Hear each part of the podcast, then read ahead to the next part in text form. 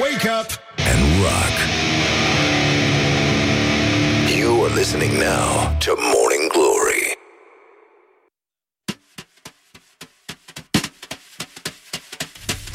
Bonjurică, bonjurică. Începe Morning Glory și foarte bine face.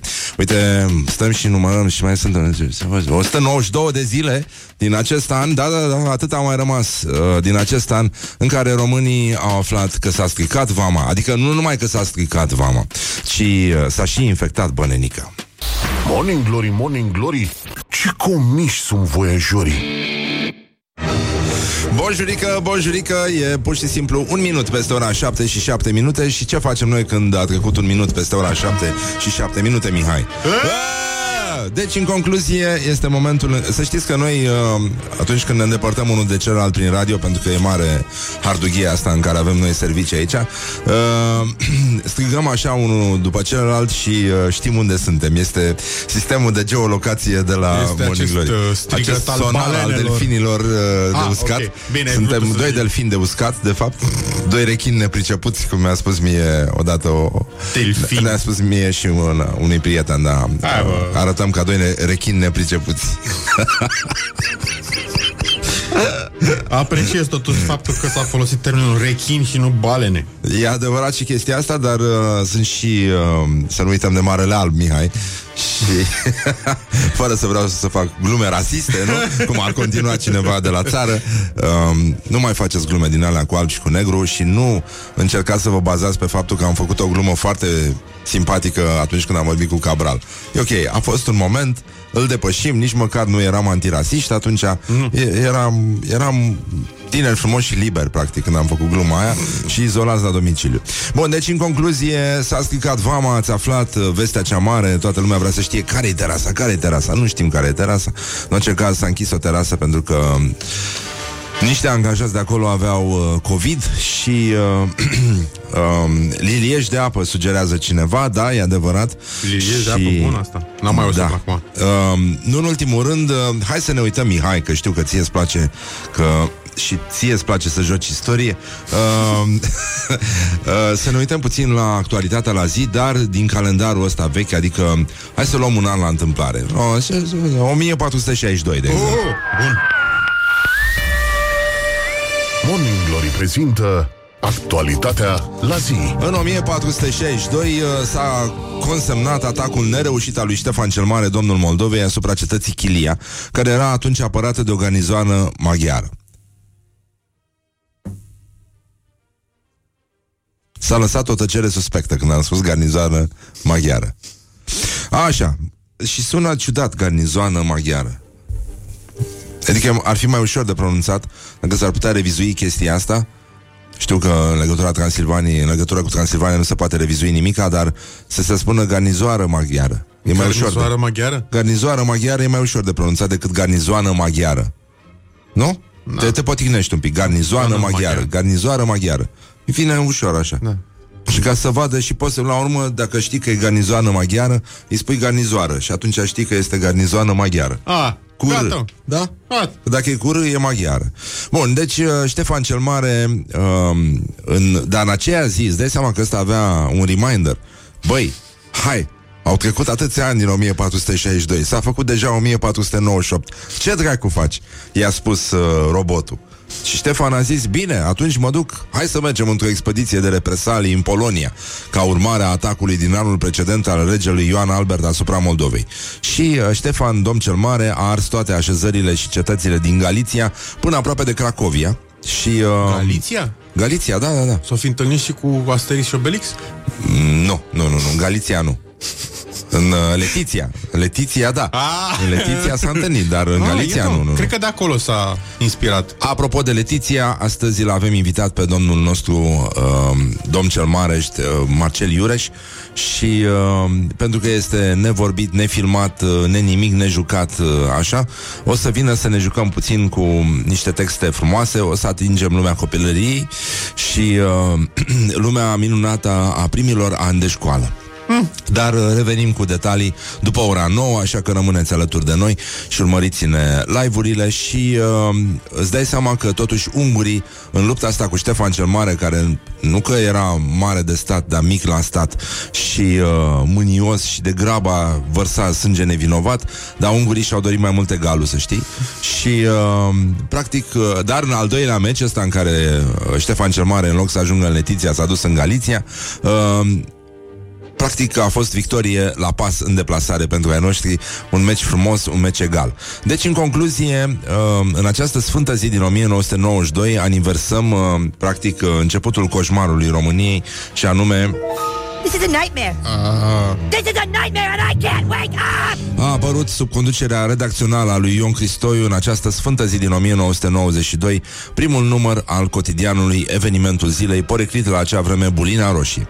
Și uh, Ion Cristoiu avea un aspect mult mai de bulină pe vremea aceea, uh, iar 28 de ani mai târziu ziarul uh, s-a ales cu o ediție digitală și uh, la fel ca și atunci când uh, vorbea despre găina care năștea pui vii și piciorul de lemn care a înflorit, uh, iată, a reușit un alt record de neegalat, un titlu uh, fundamental pentru România acestor ani. Ceva s-a întâmplat, e clar, dar ce?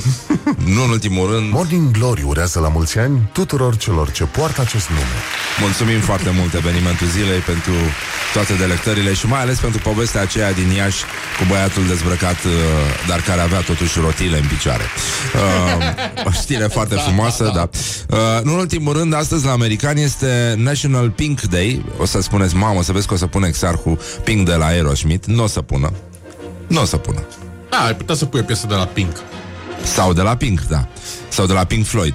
Dar uh, aici știi ai cum se cam- face da. la radio Că imediat facem legătura cu piesa care urmează Dragi prieteni ai rockului O, o bălărie, îți dai seama, nu e adevărat Bun, deci, culoarea roz uh, Care la americani uh, Mai ales că ei vorbesc cât de cât limba engleză uh, Există, au expresii specializate Știi, cu to see pink elephants uh, Zice că asta înseamnă să ai halucinații După ce ai băut foarte mult Alcool, în general A, cream că după ce ai băut Cred că există o mult bere, porce. nu? Nu e, nu e o bere? Ce? Cireșe? A, da. E, Nu, cred din că- aia belgiană, nu, nu e e. groaznică. Nu. Da. Pink collar worker mai este o expresie care înseamnă că e, um, că e, lucrezi mai pe feminin, așa. Și... Deși aici nu e corect cu diferența de gen, dar mă rog, hai să vedem. Da. Nu știu ce să zic. Um, și uh, ceea ce nu avem în limba engleză, adică absolut nimic în limba engleză de la americani, absolut nimic despre Pantera Roz, uh, care e foarte importantă, nu, în cultura uh, contemporană, astfel încât a ajuns uh, chiar și în galeriile de fotbal, uh, mai ales uh, a, a fost foarte prezentă în rândul galeriei steliste, uh, care la un moment dat uh, a scandat uh, cu mult entuziasm Augustin cu nasul gros, parcă e Pantera Roz. Morning Glory, Morning Glory Atât. Noi nu suntem bolnăviorii Don't forget to wash your hands. Și, uh, nu în ultimul rând, astăzi avem o zi plină pentru părinți, în sensul că odată se afișează rezultatele de la evaluarea națională, undeva după ora 2, o să revenim cu amănunte de la fața locului și apoi uh, e prima probă la BAC, limba și literatura română uh, și Ap- aproape, aparent fără legătură cu chestia asta, se redeschid creșele din București, astfel încât uh, sunt foarte mari șansele pentru toți cei care vor fi uh, respinși la BAC să arate că, într-adevăr, creșele din România sunt neîncăpătoare pentru absolvenții de liceu. Carry me Respinși la with a BAC, little bineînțeles. sugar Wake up and rock Mancațiaș Morning Glory, Morning Glory Unde sunt vara? Schiorii Așadar, bonjurică, bonjurică 20 de minute peste ora 7 și 9 minute Nici nu-mi vine să cred că este luni Dar îmi vine să cred că este ultima săptămână de Morning Glory înainte de vacanță Ceea ce ne face să spunem un sincer "Aaaa!" Bun, deci în concluzie este un moment foarte, foarte frumos și, uh, după cum am zis, uh, prima probă la, la, la BAC astăzi, uh, emoții, emoții, emoții, uh-huh. emoții scris, uh, da? Emoții, da. Și, a, da, uite, și ziua Ioana Iepure, uh, fosta noastră colegă, care acum este mare șef la Press One, știi? Ah! A înaintat în funcție acolo. Oh. Da, e senior editor sau ceva de genul ăsta. A făcut-o om. A făcut-o om. O să aibă și pensie specială? Are, are. Are deja. Că Dacă e la Press One... Așa. da, scuzați, da. Așa, bun. Deci, în concluzie, la mulți ani, uh, Ioana și mâine e ziua Laurei. Coincidență? Nu cred. Nu cred. Așa, bun. Deci, uh, apropo de asta, creșele se redeschid astăzi. Uh, e totul foarte bine. e totul foarte, foarte bine. Uh, deja copiii sunt mari. Uh, toată lumea este mulțumită. Și, apropo de copiii mari, primul uh, ministru Ludovic Orban... Ah, stai puțin să bag genericul de primul ministru. Uh, deci... Uh, Morning Glory prezintă cursul de subdezvoltare personală. Uh, primul ministru Ludovic Orban participă la dezbaterea publică numită România muncește. Ui. Uh, a, asta nu știu ce înseamnă. Flexicuritate și digitalizare în contextul noilor tendințe din piața muncii din uh, România. What? Noilor tendințe Orientări și tendinți. organizată de Ministerul Muncii și Protecției Sociale. Participă, așa cum ne-a obișnuit, vicepremierul Raluca Turcan, ministrul Muncii, Violeta Alexandru și consilierul prezidențial uh, Cosmin Marinescu. Uh, la 10, intervenția premierului va fi transmisă live pe pagina de Facebook a Guvernului și pe canalul oficial de YouTube și prin uh, sistemul unic de distribuție al administrației prezidențiale. Și uh, îți dai seama că toți participanții își vor aduce aminte de această, de această cotitură istorică, pentru că îți dai seama peste ani și ani o să zică, domnule, de bine de rău, era bine în pandemie că, uite, lucram în uh, flexicuritate. Este abrevierea de la flexibilitate și securitate, măi. Știu, înțeleg, dar nu sună deloc ok. De parcă Mancațiaș. termometrizare sună bine. Da, și uite, nu, nu participă numai bărbații și doamna Turcan. E ok. Apropo de Turcan, uh, viceprim-ministrul Raluca Turcan și ministrul fondurilor europene, Marcel Boloș, și secretarul general adjunct al guvernului, Costel Barbu, efectuează astăzi o vizită de lucru în județul Teleorman, imediat după conferința despre flexicuritate uh, și uh, acolo va participa prefectul județului Teleorman uh, și totul se va întâmpla la prefectura Teleorman, vă dați seama. Uh, așa că vom afla astăzi dacă în Teleorman kilometru mai are tot 800 de metri sau s-a mai lungit sau s-a mai scurtat, că nu știm foarte bine. A legendary superstar. Și acum să ne uităm puțin la ce se mai întâmplă cu covid Dacă e. Da.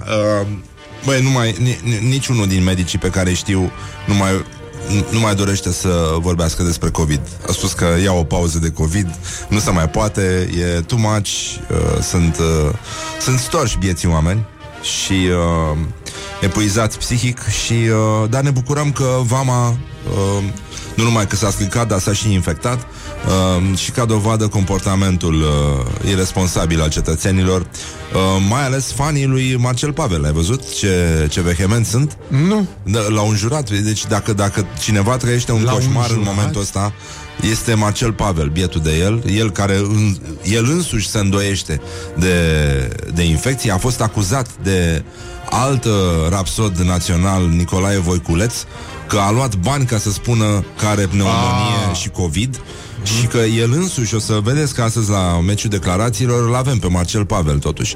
Uh, ca să dovedim că nu e așa, când ești prost de mic, nu, când ești mare, nu mai te joci. Țara este plină de cetățeni care ignoră aceste avertismente și pe care, nu e așa, uh, eu, eu aș zice să vină și cu un CV din ăsta de, de afirmații, știi? Să scoată cineva CV-ul de pe Facebook, să vadă, ai fost prost? Ah, ok. Bine, atunci tratează-te singur, deșteptule, dacă tu nu crezi în COVID. Nu? Nu e mai Păi, simplu așa? asta- Cum e și cu domnul Cataramă. La zădărnicire, frumos uh, Ne tratăm acasă, avem și soție doctor De ce nu? E. Nu, nu e mai simplu așa? Dacă tot avem uh, la dispoziție. Doamne ferește să ai nevoie de un ATI în ziua de azi Bun, deci uh, Că sabia s-a săvârșit. Nu în ultimul rând uh, Să vorbim un pic despre actualitatea la zi Morning Glory prezintă actualitatea la zi. Um, avem uh, aproape 5% din testele efectuate în 24 de ore sunt pozitive la COVID-19. Numărul persoanelor care uh, sunt depistate zilnic cu COVID-19 crește. Duminică au fost înregistrate 315 noi cazuri. Nici în Germania nu stăm mai bine. În comunitățile de români, acolo a izbucnit un al doilea val al, uh, al pandemiei. Uh, multe spitale din România au uh, sute de oameni, de fapt, sunt în carantină în Germania și uh, am văzut că uh, Autoritățile uh, din Germania fac apel la medicii din acele comunități uh, pentru a le cere sprijinul și, uh, nu în ultimul rând, uh, foarte multe spitale din România anunță că nu mai au paturi goale și că nu mai pot face internări pentru COVID. Deci, numărul românilor infectați cu uh, COVID-19 crește și în țară și în afara ei și, uh, nu în ultimul rând, uh, avem uh, 200 de pacienți internați la terapie intensivă ceea ce înseamnă că se cam uh, creează îmbulzeală în spitale. La Un pic Marius în așa. asta uh, e plin, nu se mai pot face internări. Uh, sunt foarte mulți bolnavi, mă rog, care seamănă oarecum cu ceea ce a pățit uh, Marcel Pavel, care au și dublă pneumonie pe lângă COVID și, uh, evident, uh, vorbim despre stări uh, foarte, foarte grave și uh, cam uh, ce s-ar fi putut întâmpla în primul val pare că se întâmplă acum și de fapt, partea cea mai nasoală e că iarăși se blochează spitalele, totul devine mult mai greoi, uh, tratamentul pentru uh, ceilalți bolnavi, bolnavii civili, ca să zicem așa, uh, devine foarte, uh, foarte îngreunat și, uh, evident, uh, problema este la ATI, pentru că riscă să se blocheze cu bolnavi de COVID uh, toate secțiile astea și devine complicat. Mă rog, din fericire există niște campanii, uh, niște spitale de campanie uh, construite între timp, deci uh, dacă, Doamne ferește, se ajunge acolo, s-ar putea să zicem, ia uite ce bine că le-au făcut. Da, um, ci că Adriana Trandafir, uh, actrița Adriana Trandafir e infectată cu noul coronavirus și uh, se pare că ar fi la, la Matei Balș. Bun, în fine, uh, a- nu arată deloc uh, nu- nu arată deloc bine situația. Din cei 49 de pacienți uh, sunt uh, uh, cum să zic, nu, nu sunt pacienți la, la ATI, uh, de exemplu, la Marius Nasta, dar uh, uh, evoluția cazurilor se poate transforma într-una severă. Deci, uh, până una alta, uh, ținem, uh, da? Ținem Ținem, cont de faptul da. că ar trebui să purtăm masca. Ma, până una alta, masca este cea mai, uh, cea mai sigură metodă de prevenție în, uh, în toate contextele și uh, nu? Nu trebuie să credem în nimic Sau cum- cum zicea maestrul meu spiritual uh, Neamaste Crede și nu te infecta E, e cea Da. mai bună Da, mă rog, e, oricum COVID-ul, cum să zic uh, S-a uitat la români, a văzut ăștia nu respectă Condițiile de distanțare Și a zis, de ce? Eu am dragi pe mine, eu de ce să le respect? La E, te mutant dracu, celor șmigăl. ce poată acest Și nume. uh, uh, terasa din Vama Veche, ați auzit de ea, este legendară deja. Uh, a, fost, uh, a fost închisă între timp, a mai fost depistat uh, un angajat care a fost confirmat cu COVID-19 și uh, acum se testează, vă dați seama, și clienții. Destul de destul de nasol să ajungi în situația de a spune încă o infecție și o baterie de vin la masa 14 Morning Glory prezintă nu prezintă Rachel acum. de- Nu, prezintă mai târziu, scuze.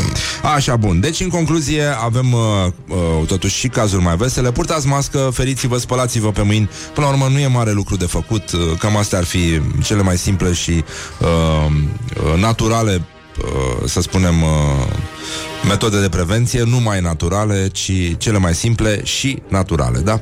E simplu așa. Bun. Deci, în concluzie, cam asta e situația din teren, dar, uh, între timp, uh, sigur, mergem în... Uh, uh, uh, mergem uh, cu satelitul unde mergem, dar mergem și uh, uh, să plimbăm mingea cu mingea de fotbal cu elicopterul.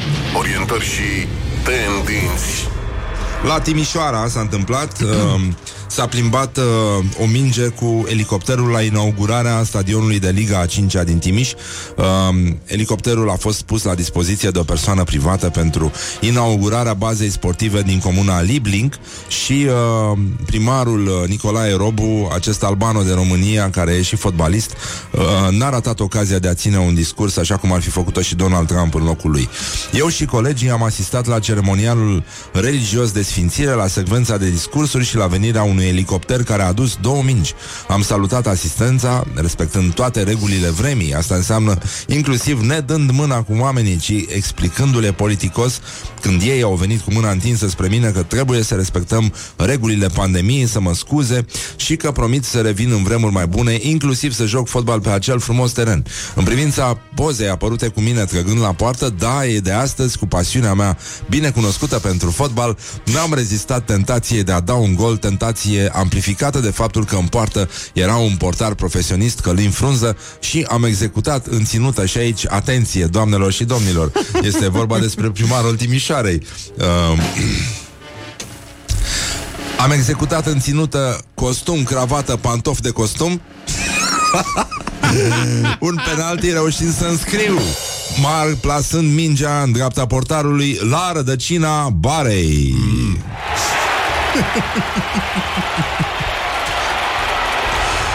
Uh, evident, uh, la câteva minute după ce a folosit expresia pantofi de costum, Nicolae Robu a primit convocarea oficială la Naționala de Fotbal a Cântăreților și uh, uh,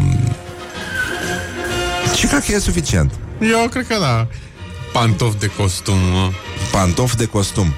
Dar cum uh, se spunea și pe vremuri, costum de haine. Știi că mai exista da. și, și expresia asta. Și uh, uh, ar trebui să vorbim un pic despre primul glorios al zilei și uh, vorbim aici despre Abram Burica, m- da. mai cunoscută, să spunem, uh, celor mari, dar și celor mici, drept Ecaterina Andonescu. Gloriosul zilei. Uh, fost ministru al educației, doamna Andronescu, a explicat pentru ce a votat sau de ce a votat pentru interzicerea în școli a discuțiilor privind identitatea de gen. Mă rog, sunt mai mulți, uh, de fapt au mai apărut prin presă o grămadă de interviuri cu oameni care se aflau în diverse comitete și comisii uh, din Senat și care au votat fără să înțeleagă fără să înțeleagă uh, de ce de ce au votat și ce au votat mai ales. Uh, uite, ascultătorii noștri s-au și inflamat, au spus uh, eu când eram mic uh, luam bătaie dacă jucam fotbal în pantofi, dar da, e adevărat, între timp primarul Robu, uh, în ciuda aparențelor, s-a făcut om mare. Și uh, Ecaterina Andronescu uh, a explicat de ce a votat, da, pentru interzicerea în școli a discuțiilor privind identitatea de gen. Școlile nu sunt instituții în care cineva să se ducă și și să spună ce gândește el, cum gândește, ce a visat azi noapte, a spus Caterina Andronescu. Așa că uh, nu e nevoie de mai mult, mă rog, nici nu prea ai ce, doamne, da. iartă-mă să comentez la chestia asta, este efigia uh, uh, învățământului românesc în, uh, cum să spun, în adevărata sa splendoare sau lipsă de splendoare și uh, uh, ăsta e halul de profesor pe care uh, îl are învățământul românesc. Asta este halul de standard la care ne referim și uh, e mult mai limpede de ce școala românească de atâtea uh, zeci de ani sco- scoate pe, pe bandă rulantă profesori și elevi educați după sistemul noi tocim, nu gândim și uh, cam asta este cam asta e tot ce poate produce școala românească. Deci uh, și doamna Antonescu chiar are dreptate pentru că școala uh, este făcută pentru cineva care să ducă și să spună cum nu gândește. Este singurul lucru pentru care este făcută uh, școala românească și mai adăugăm un sincer cu o la oase. Morning Glory. Wake up and rock on Rock FM. Morning Glory, Morning Glory Ce mișto e astăzi, Zori. Bonjurică, bonjurică, 50 de minute peste ora 7 și 5 minute. E o zi de luni, dar e foarte frumoasă. E cea mai frumoasă zi de luni În afară de cea mai frumoasă zi a săptămânii Care este vineri seara. Uh, Deci, în concluzie, este A început, uh, pur și simplu ne interesează De cele 5 zile super nasoale de după weekend Pentru că la sfârșitul acestei săptămâni Emisiunea Morning Glory intră dracu în vacanță Și cum face când intrăm în vacanță? Deci cam așa, bă, ne-a terminat Covid ăștia, ne-a, ne-a, ne-a, ne-a nebunit cu capul Deci dacă am, au, cred că am burnout acum Un pic așa? Eu zic că am Pe la burnout margini. Am burnout peste tot, să știi Dar uh, mărgini Mărgini. Da, mărginile sunt cele mai bune, alea crocante mm. Știi cum e uh, marginea de la prăjiturică Acolo Da. unde a stat un pic prea mult în contact cu, cu forma Da. E un pic ars, dar nu atât Da, de e un, ars bă, cât un să- pic ars și un pic așa caramelizat totul, știi? Aia zic, Ah. aia zic. Deci bucățica aia e cea mai bună bucățică. De fapt, din prăjiturică. Ah. Dar uh, spui prăjiturică, spui uh, prăjiturică răducanu și uh, dacă te referi la prăjiturică răducanu, te gândești, uh, da, cu o la oase concediu, da. Concediu și nu orice fel de concediu, ci de odihnă. Și tratament. Merităm și ne, da, tra- Pentru că, da, nu, nu, nu mai se poate, nenică. Bine, nu mă mai rog. se poate. Tu concediu, eu mai da, încolo. și am să mă întorc, Mihai, mă întorc ca, o sil- ca un silfid, am să mă întorc din uh, Deci să din îngustăm vacanța ușile. asta. Nu. Da, ar trebui îngustate, că nu are sens să folosim atâta spațiu pentru da, când am să mă iese întorc aia, eu. Da, da. Să... da. O Da. să punem un uh, profil din ala. Bine așa, măcar că n-am apucat să le lărgim. Adică n-am ajuns într-acolo, încât Da. să trebuiască să intru Bă, pe o- dacă trebuia să le pe o lărgim la parte. cât de mari sunt, uh-uh. Da, e adevărat. Și eu zic, deci, în concluzie, ne bucurăm foarte mult uh, la rubrica noastră de orientări și tendinți. Um, Orientări și tendinți Vești bune, primele teste la metroul din drumul taberei s-au făcut cu trenulețe reale, ca să zic așa. Uh, deci s-au plimbat probabil angajații prin tunele cu trenulețe din alea de jucărie și au făcut tătâm, tătâm, tătâm, tătâm, tătâm, tătâm, tătâm. Așa, deci, uh, în concluzie, um, dacă vă interesează care este termenul ferm avansat de autorități pentru darea în folosință a metroului din drumul tabere, este la sfârșitul verii. Nici Da. măcar pe E n-are ferm. sens să le spui la fraiere ăștia vara 2020, vara 2021. Dă-i dracu, să zică mersi. Bă, sunt unelele, la nevoie se pot refugia în ele. Sau mai știi, sunt atâția... Băi, sunt Bă. oameni care n-au acces la boxe în, drum, în drumul taberei. Nu toți locuitorii din blocurile alea au acces la boxe. Boxele sunt inundate. Sunt pline de țânțari care sunt anofeli, știi foarte bine. Da. Și de asta e bun tunelul ăla, după modelul tunelelor, tunelelor construite de daci sub uh, munții Bucegi și uh, Mihai. Mm. Deci după modelul tunelelor. Da. Deci în afară de faptul că a trecut 21 iunie, a fost solstițiu. Pe Nu erau ne-a, dacă ne-a și mai durut și. la bașcheți de faptul că a fost solstițiu, mai și Erau mai dat și kicks. te dracu, da, cu calendarele voastre că ne-a speriat de a, a, a, a tremurat carnea pe noi de, de frică, de nici n-am mai știut, dar ne putem ascunde în tunelele alea și dacă nu noi, atunci măcar gogonelele românilor din drumul taberei au un loc răcoros în care pot să stea și anume galeriile de metrou din drumul taberei, care încet încet se vor uni cu tunelele dacice de sub uh, munții Bucegi, care te scot la, uh, urmează stația Sfinxul din Egip, e, de, Egi, Egipet, Eghipet, așa. uh, Sfințul din Egipet cu peronul pe partea care, Care vrea el. care se nimerește atunci. Care e. da. Că e foarte important. Deci, la sfârșitul verii uh, avem uh, următorul termen, ceea ce nu e rău Dar e deloc. ferm. Asta e important, că Păi este e foarte ferm. ferm. Când spui sfârșitul verii, nu spui altceva. Că E, e clar. Adică nu știu ce ar putea să... Simt că o să avem un octombrie foarte călduros. Și mie mi se pare că, totuși, uh, cum să zic, uh, bucuria asta a vacanței se va prelungi foarte departe, dar îți dai seama că stăm și noi așa cu, cu emoții, că o să-i vedem pe frații noștri din drumul taberei, cum, cum sunt ei. Tu dai, îți, îți dai seama... Sunt ca noi. Sunt, Cred că frații noștri din drumul tabere o să înceapă să cânte Te mică-i vacanta male Și te dormea po de ea Fire al dracu că am cântat două zile în cap prostia asta de melodie După ce a Eu cântat încă o mai cânt și formație acum Formația de Peltix Mă trezeam mergând pe stradă și râdeam ca prostul Ei, iată. Eu aveam, eram, eram pozitiv la virusul ăsta Cu te mică e vacanta male Da. Dar e așa cum am umblu prin casă. Da, da, da, da, da, da, da. Da, și uh, uh, e adevărat, dar nu știu dacă ăsta este mai periculos decât... Uh, uh, da, tu, tu, da, da, tu, tu ai, ai sânge de viperă. S-ar putea acolo să fie o problemă mai mare. Da, mă rog, mai, uh, mai dezbatem și chestia asta. Auzi, Mihai, nu vrei tu să o lași pe Iulia să vină la microfon și să prezentăm noi știrile, adică ea, știrile Rock FM? Că Rock e FM. important. Ea Rock FM. Rochefen? Rock FM, bineînțeles. Știrile mele unde? Deci, uh, în concluzie, avem vești bune din drumul taberei, să vedem cum sunt frații noștri de acolo, vom afla, pentru că deocamdată ei stau înghesuiți unii în alții, merg și dau și ei bacul, la fel cum dau toți ceilalți oameni din România, știi că e, e exact la fel. Și la ei. Să ne uităm să vedem, băi, au mască, n-au mască, o poartă pe gușă, ca pelicanii din Delta Dunării, o poartă pe nas, pe gură, să vedem cum sunt frații noștri rămași uh, dincolo de bariera asta numită răzoare și uh, prinși, nu așa, în această încleștare dintre răzoare și pasajul loserului. Ieri la răzoare Ai fost la gura de răzoare? metrou.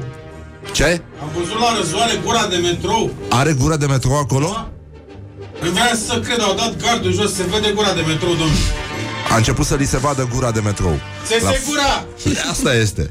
E, e foarte important să, să avem o gură de metrou la răzoare. E, e ok? Da Da? Bun, bun. Iulia, suntem de acord că ar trebui să prezentăm știrile Rock FM? Suntem de acord. Suntem de acord. Bun, e foarte bine. Tu stai în, uh, Eu în stau în sudul Berceni. Bucure- în sudul Am un Bucureștiului. metrou de- Ai metrou, da, și se vede. Da, apropo, Adică- ai văzut uh, trenurile acelea cu care au făcut teste ieri? Nu. Să te uiți pe net. Sunt mișto? Da, Deci le bagă trenuri mai mișto la ăștia? În drumul taberei? așa pare. Adică o să ne mutăm toți Da, să... da, așteptarea merită. Da, și eu zic, se merită. Se merită. Deci o să mergem cu, cu, doar cu trenul în drumul taberei, așa cum mă plimbam eu când eram mic cu bunicul meu cu tramvaiul. Făceam nu știu câte ture de Brăila cu tramvaiul, era extraordinar. Mi se părea cea mai mare șmec. Cu totul Cum? Care oricum 5 stații cu totul, nu? În Brăila? Păi nu, că mergeam până la combinat, mergeam până la cusărat, mergeam departe. Mergea și mai Așa la îi lor se de părea Brăila. lui atunci. Ia, și erau din alea, tramvaie din alea cu scaune de lemn. Uh, Vara se scoteau geamurile, știi? La tramvaie, nu, nu știu cum e posibil așa ceva. Și din altă eră Nu, nu-ți imaginezi, da. Cum, cum era, ce mișto era în tramvai cu geam, fără geam. Și era perfect. Puteai scui semințele afară, direct Exact asta de, voiam să spun. Doamne ferește să scape cuțitul. Da, uh, în, uh, în cazul din astea, dar să lăsăm vrăjeala. S-a făcut ora 8 și 3 minute. Good morning, good morning, morning glory. Don't put the horn in the pillow. Morning Glory, Morning Glory. Ce urât miros chiorii. Bonjurică, bonjurică și la mulți ani tuturor celor care poartă acest nume În ultimul rând, uh, un sincer cip cirip și uh, bucurie mare la Morning Glory Pentru că mai avem săptămâna asta și mergem în vacanță Că nu mai putem Nu de altă Că gata. Am mai fi stat, dar pur și simplu simțim că gata. Nu mai ia. Nu, nu, nu, da, nu mai se poate. Nu mai merge nici cu spuman, nu mai merge cu nimic. Gata. Cafele, Avem băi, burnout, și eu avem, cafea. avem cafeluțe, avem spor la cafeluță, dar uh, Nu. degeaba. Bun, să vă uitați pe pagina de Facebook uh, Morning Glory, uh, pentru că astăzi, în afară de faptul că vine domnul nostru al tuturor, Marcel Iureș, să dezbate niște chestii culturale, undeva după ora 9, uh, o să lansăm primul produs marca Morning Glory. Uh, da, da, da, da. Și uh, sper să vă placă E pe sănătate, pe bunăstare spirituală O să vă umble și la ceacre Și uh, nu în ultimul rând Nu în ultimul rând uh, Avem uh, vești extraordinare Și din Mamaia și din toată țara A? Ce s-a Da? întâmplat? Nu, nu, nu, e Ah, o ok. știre aici. Bun, deci să vorbim despre gloriosul zilei Gloriosul zilei uh, La Mamaia, în primul rând, s-a dansat uh, hora uh, A, da. nedistanțării sociale. Uh, cineva a filmat uh, și a trimis la poliție pe la 10 jumate seara. În 3 minute un echipaj uh, a venit la locul faptei. În Mamaia s-a întâmplat. Uh, mă rog, ci că nu s-a nu, nu au mai găsit nimic acolo, a fost o horă spontană, practic. Niște, era muzică la o terasă, muzică live și era atmosferă, frumos, manele, cum e mama aia, da? Și mai mulți trecători, posibil turiști, au format o horă pe care au dansat aproximativ 3 minute. Da, tu, ce înghesuială e, adică... În mama aia? Da, Da. e nenorocire. Și toți sunt grăsuți, așa ai văzut? Da, da. Mai grăsuți decât noi. A, bine, da. Da, un pic mai grăsuți. Deci Vrei n-avem să foarte- ascultăm un pic? Uh, Da, să vedem imaginile? da. Da? Cum e? E. Ia uzi. Nimeni nu are mască, evident. Da, Cineva toată filmează cu sticul. Este superb. Este Da. superb. Pe pe bune, na, deci nu au nicio treabă. Absolut nicio treabă, da. E... Da. Da. Seamănă la voce cumva cu Constantin Enceanu? Nu e. Nu e. Nu e Constantin Seamănă, dar Enceanu. nu, nu e. Deus mă jur. Hai, lasă. Da, da, da, da, Dă bineînțeles. muzica aia mai încet să ne înțelegem ca oameni. Uh, în orice caz, uh, ăsta e românul, practic, uh, se relaxează un pic și pam, uh, Bang! se prinde în, uh, într-o horă și, uh, de fapt, ultimul hit al, uh, al verii este ăsta, uh, cum se zice, uh, rezistența anticovid, că ăștia sunt oameni care nu cred în COVID, uh, intră în horă și fugi. Intră în horă și fugi. Morning Glory, Morning Glory Tu o mai iubești pe Flori? Uh, nu știu dacă sunteți uh, uh, la curent cu ce s-a întâmplat în uh, județul Suceava. A venit, uh, Ce s-a mai întâmplat? uh, a venit Ludovic Orban A, și Gheorghe Flutur, președintele Consiliului Județean Suceava, uh, uh, a ieșit la rampă cu o declarație uh, cel puțin senzațională. Vreau să mulțumesc premierului României, Ludovic Orban, pentru finanțarea acestor două cazane de la Vatra Dornei. Dorna e țara laptelui, a fructelor de pădure, țara abatoarelor. Uh, deci, uh, lapcie, fructe de pădure, abatoare, zici că e la testele alea în care trebuie să-ți dai seama ce nu se potrivește acolo, dar nu, e, e adevărat, toate se potrivesc. Uh, aici gravitează în jur de 50.000 de locuitori și Ilie Boncheș, primarul din Vatra, Vatra Dornei, s-a emoționat foarte tare de prezența premierului în județ și uh, a- s-a dus mai sus decât uh, Gheorghe Flutur în, uh, în pompieristică și a zis așa, nu-mi vine a crede că este o realitate și nu un vis. Chiar sunt emoționat la maxim pentru așa vizită pe care o avem la Vatra Dornei. Îi rog pe dorneni să ne unim cu toții și să reușim să trecem perioada aceasta grea. Iar toți virusii vom reuși să-i băgăm în conducte și să-i gazăm. Să încheiem pentru Dorna și pentru România cu pandemia. Deci, Asta lipsea amenințare cu gaz la Vatra Dornei După ce am avut uh, bombă la metroul la eroilor. Da, a Uh, fost falsă aia. A fost falsă, da. Falsă, da. Deci de aici va începe Istoria va consemna și va spune că uh, Acest coronavirus s-a retras După ce primarul din Vatra Dornei L-a amenințat cu gazarea. Și uh, evident nu putem uh, Încheia decât altfel, cu, de, altfel decât cu Dorna, pandemia, România.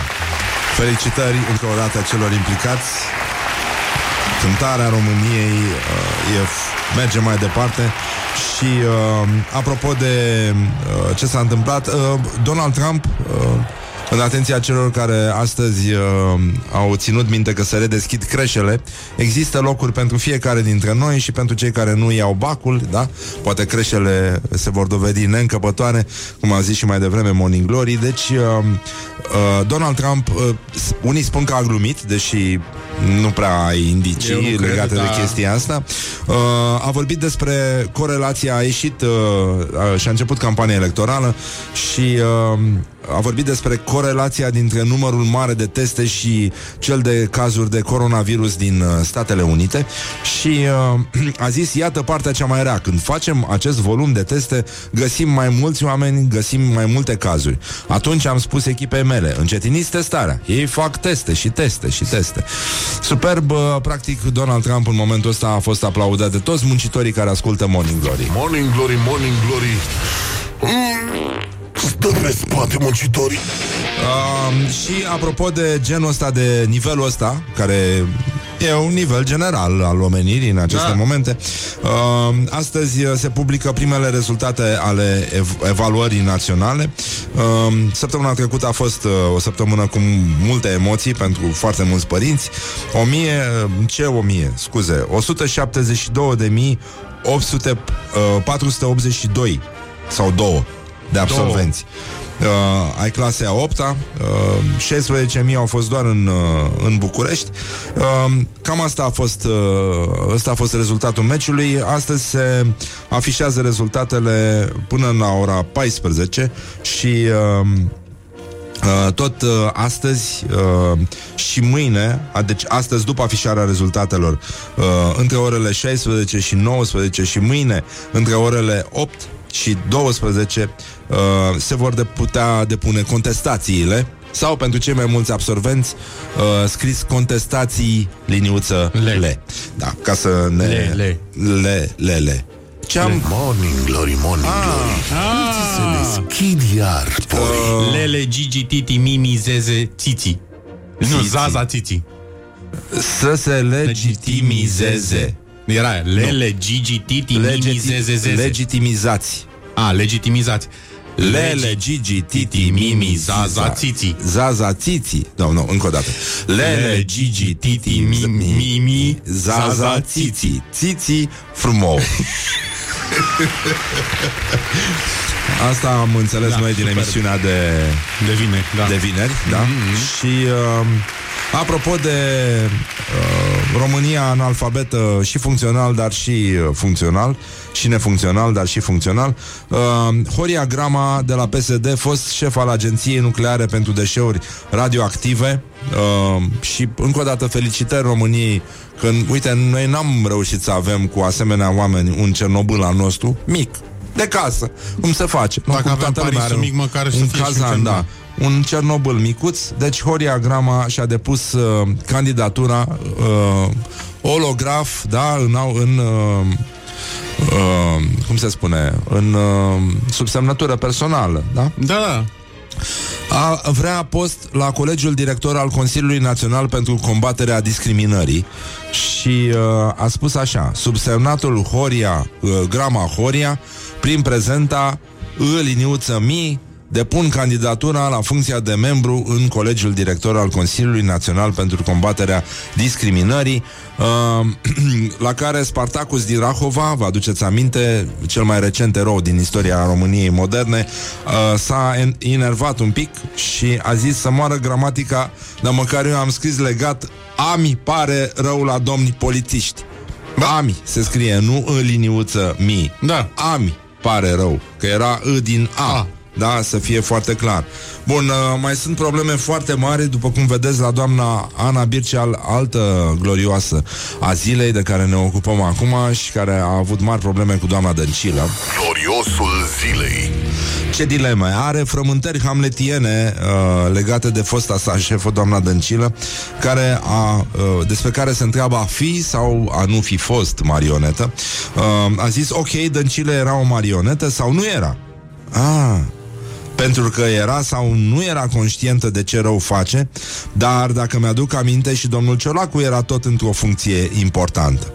Acum vă dați seama că noi încă nu știm ce s-a întâmplat la Mineriada acum 30 de ani, uh, așa că mai mai rămâne mult timp uh, în care să aflăm dacă doamna Dăncilă a fost sau nu manipulată să facă sau nu sărățele. Pentru că despre sărățele vorbim noi acum. Și, uh, nu în ultimul rând, uh, aș vrea să ne ocupăm de uh, cei doi glorioși ai zilei, puțin mai uh, glorioși de meciul declarațiilor, scuze. Uh, e foarte important. Astăzi se luptă doi titani ai uh, gândirii uh, introspective uh, și aș vrea să uh, căscați urechile și să intrați pe pagina noastră de Facebook și să votați meciul declarațiilor de astăzi, care e greu, dar dificil. Prezintă meciul declarațiilor Uh, Marcel Pavel se luptă astăzi cu Mădălin Ionescu, doi titani ai gândirii maselor. Și Marcel Pavel a spus, băi, îți dai seama, uh, dacă Shakespeare ar fi uh, avut contact cu drama lui Marcel Pavel, care să fie acuzat, călcat în picioare de fanii lui, care îl, uh, îl bănuiesc de ipocrizie și de faptul că este plătit să spună că există COVID și că s-a îmbolnăvit intenționat. Păi tu îți dai seama ce e acolo? Tu, tu ai citit comentariile de Nu, la nu, postările n-am lui? avut această curiozitate, dar uite, E o tragicomedie superbă. Dar uite ce. o să stau să mă uit un pic, să știi, să le... Te rog, da. Nu susțin faptul că există acest virus ordinar. L-a și calificat, l-a și călcat în picioare. Nu sunt virusolog sau epidemiolog pentru a vă spune că acest nenorocit de COVID-19 există sau nu există. Întrebați-i pe cei care l-au inventat și l-au răspândit pe întreaga planetă. Hai de capul meu. Bun. Vine Mădălin Ionescu. Nu? E... A făcut numai emisiuni din alea sinistre, da? Marcel e de o probitate morală uh, scuze, Marcel e de o probitate morală uriașă. Sistemul i-a spus că are COVID-19. În ziua de azi nu-ți mai permiți să răcești de la aerul condiționat din mașină sau pentru că ai băut cola cu gheață, ori pentru că ai consumat prea multă înghețată. E... Cred că și Eugen Ionescu ar încremeni uh, citind chestiile astea. E greu să le scrii. Dar uh, asta este încă o dovadă că uh, uh, spre deosebire de deșteptăciune, prostia are acest avantaj și de aici și fascinația ei, fascinația pe care o exercită asupra unora, anume că ea conține f- mult mai multe nuanțe, ea are uh, surprize, are rafinament. După cum vedeți, cei doi uh, luptători de astăzi de la meciul declarațiilor sunt oarecum la același nivel și totuși fiecare reușește să te surprindă în felul lui. Și este, este minunat să nu te plictisești niciodată. Nu. Nu? De aceea știm foarte bine uh, că mama tâmpiților e tot timpul gravidă, da, și uh, de asta ne gândim că există oameni care totuși cred și este un miracol de la Dumnezeu pentru că ei trebuie să fie oameni buni, pentru că ei cred așa ceva, Da. nu? Mihai? E tot timpul, da. Da, și uh, de asta zic eu că merită aplauzele noastre toți cei care au citit și au crezut că dacă britanicii ar trage, s-ar uni și ar trage vânturi în direcția Franței în același timp, are ieși ceva foarte distractiv. It is good from the sides.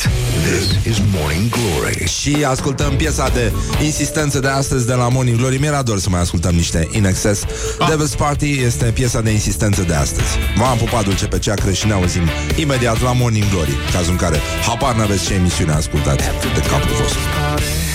Morning Glory Dă mai tare Bonjurică, bonjurică, 30 de minute peste ora 8 și 5 minute timpul zboară repede atunci când te distrezi, dar cel mai mișto e când uh, ai și copii în, uh, în public și ei ascultă dimineață de dimineață Morning Glory și uh, băiețelul uh, prietenului meu, Horia, din Cluj, a spus uh, că azi a trecut timpul repede ca la Morning Glory. Și uh, teacă l-a întrebat, adică cum?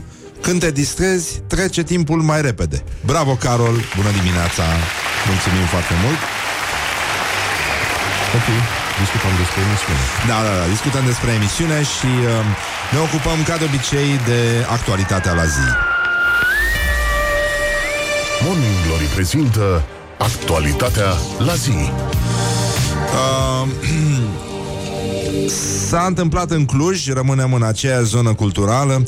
Uh, E un fel de Oceans uh, Whatever, nici nu știu cum se numește filmul. Uh, niște clujeni au fost uh, reținuți după ce au folosit bagnote false de 100 de dolari ca să cumpere legume în piață. Foarte deștepți, foarte, foarte deștepți. Niște idei care îți vin undeva până în 5-6 ani. Dacă le ai după aia, ești absolut terminat. Deci s-au dus uh, cetățenii uh, la piață cu bancnote de 100 de dolari și uh, asta s-a întâmplat în Sălaj. E uh, o situație în plus foarte dubioasă pentru că erau uh, două femei, una de 42, una de 51 de ani și doi tineri, uh, unul de 17 și unul de 24 de ani. I-au prins uh, undeva pe, uh, pe raza pe raza localității Crasna și au găsit uh, mai mulți uh, mai, mai multe tipuri de bănuți, cum se spune pe la noi, uh, bancnote în cupiură. Nu știu, ce, nu știu ce înseamnă asta, dar presupun că nu e bine. După cum sună, 100 de dolari, 100 de euro, 10 rupii, dai seama, le, le luaseră la mișto ca să-i uh, demobilizeze psihologic pe polițiști și, uh, uh, nu în ultimul rând, 100, 1635 de lei și uh, ăștia s-au dus la piață și s-au gândit că nu o să se prindă țăranii de acolo, că ei sunt obișnuiți să, să vândă uh, ceapă și uh, ridichii, da, cum spun uh, uh, cine care n-au să ia bacul astăzi, ridichii uh, în dolari. Deci, uh, probabil că ei vor reveni la vechiul banc, uh, uh, nu-i așa? Uh, ei își doreau un kil de cireșe, cireșe, cireșe n-aveau și deci doar vișine. Uh, și uh, nu, e- nu în ultimul rând ăștia s-au gândit că o să meargă ca în scufița roșie bunicuțu. Dar câți dolari este legătura asta de ceapă verde? Câte sute de dolari vreau să zic. Bun, oricum ar fi dat oricât pentru orice, uh, dar uh, s-a terminat uh, nasol după cum se vede. Și uh, mai avem, uh, apropo de chestia asta, la școala ajutătoare de presă, o chestie foarte mișto care a circulat uh, destul de copios săptămâna trecută pe, pe Facebook. Școala ajutătoare de presă.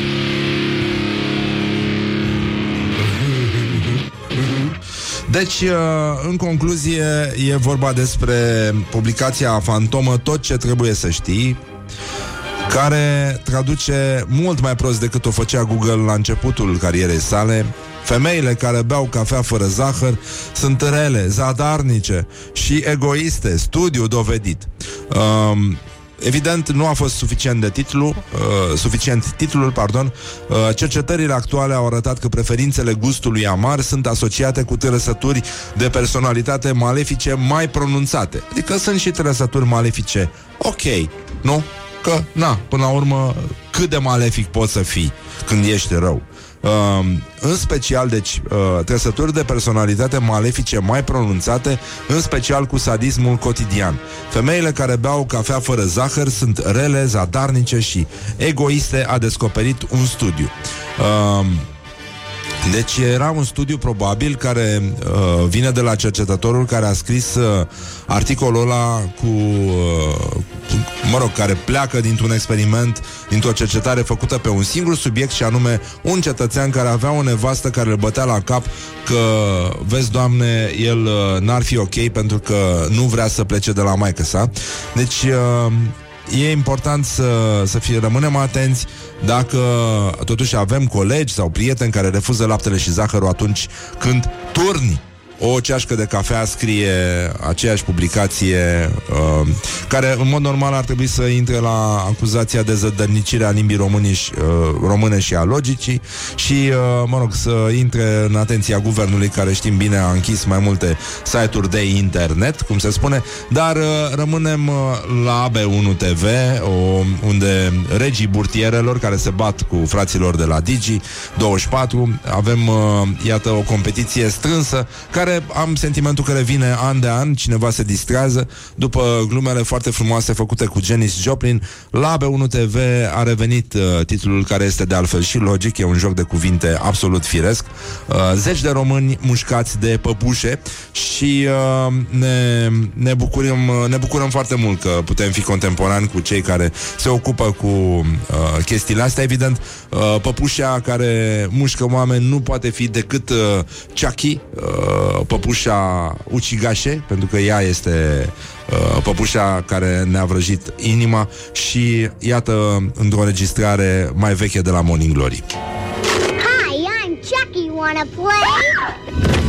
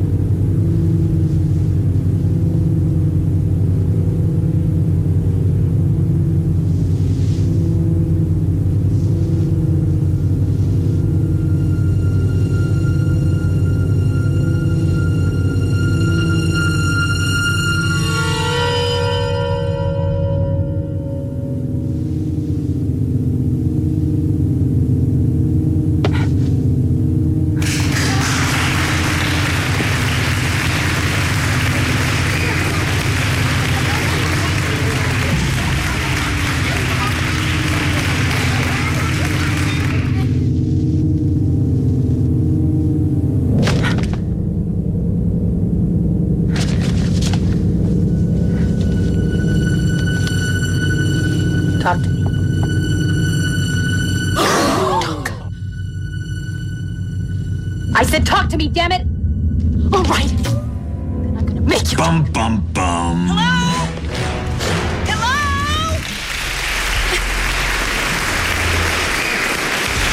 Îngrozitor, de, îngrozitor acest suspans Nu, uh, pur și simplu îți vine să spui Ce se întâmplă, doctore Și uh, ne amuzăm uh, în continuare La școala ajutătoare de presă Pentru că suntem uh, a? Ce, ce zicem noi acum? Ce zicem? Throw you in the fire!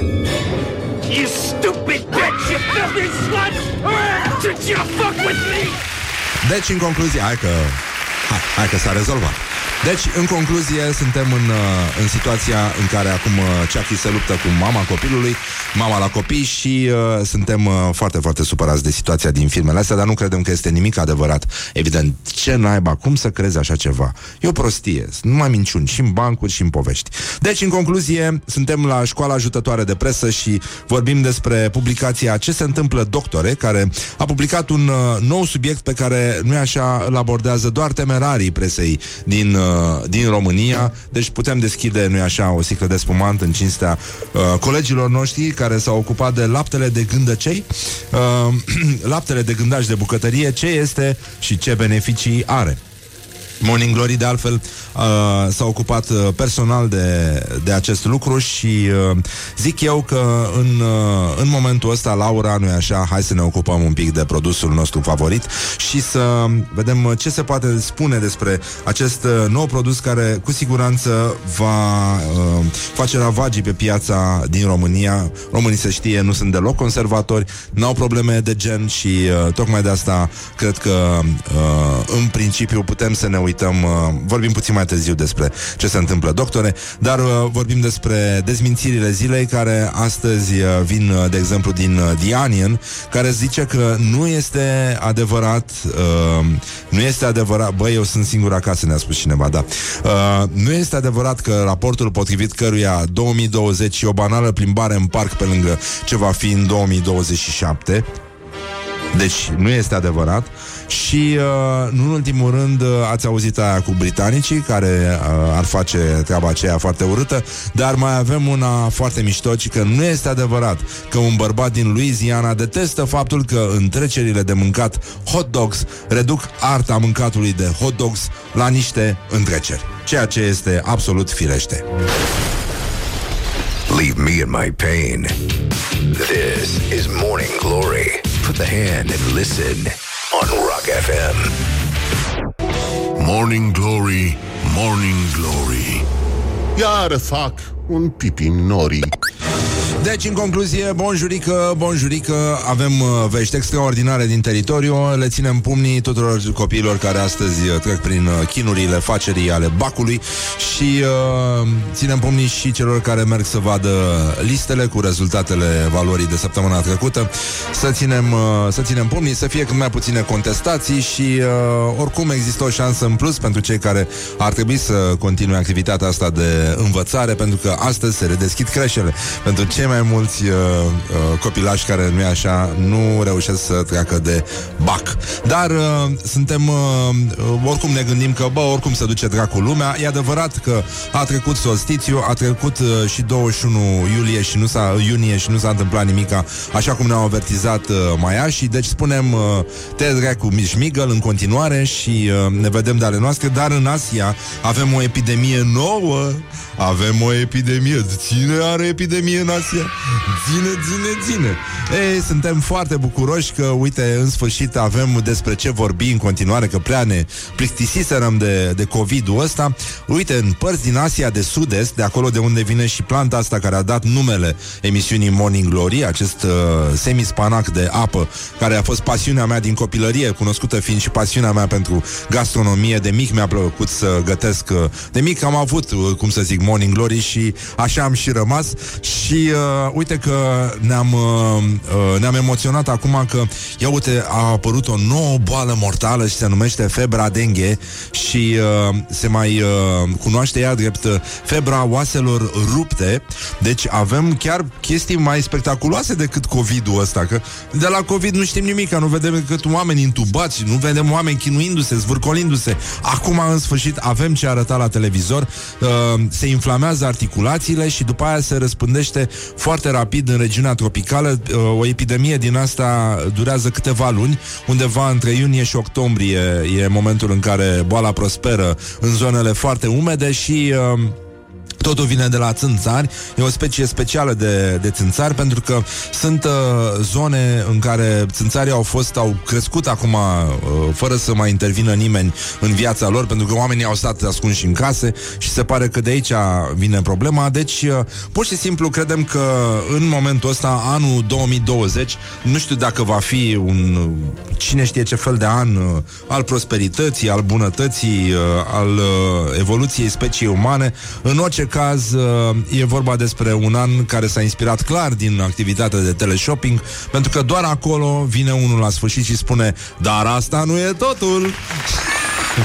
Bam! Mai vine cineva și, uh, apropo de asta, ne bucurăm că Morning Glory este ascultat de părinți cu copii și uh, iată și efectele Morning Glory nu întârzie să se arate. După ce mai devreme un copil a spus că ziua de azi a trecut repede, ca la Morning Glory, zice, cum adică? Păi uh, timpul zboară repede atunci când te distrezi. A învățat copilașul și uh, iată încă un copilaj care a învățat onomatopeele cu funcția de complement circumstanțial de mod. Ne scrie părintele său, iată să ascultăm înregistrarea. Regia rog caseta.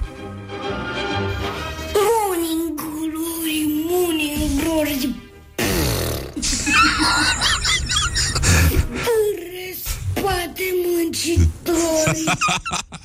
Mulțumim foarte mult! Mulțumim foarte mult! Asta înseamnă să fii Rock FM. influencer, nenic. Ne ajută. What the duck is going on? Morning Glory, Morning Glory Biciuie-mă ca tresorii Bonjurică, bonjurică. Pur și simplu 9 minute peste ora 9 și 1 minut. Timpul zboară repede atunci când te distrezi Așa cum am învățat la Morning Glory. Și uh, vrem să-i spunem uh, Adică vrem, trebuie să-i spunem Bună dimineața lui Marcel Iureș Pe care nu l-am mai văzut de mult pe viu.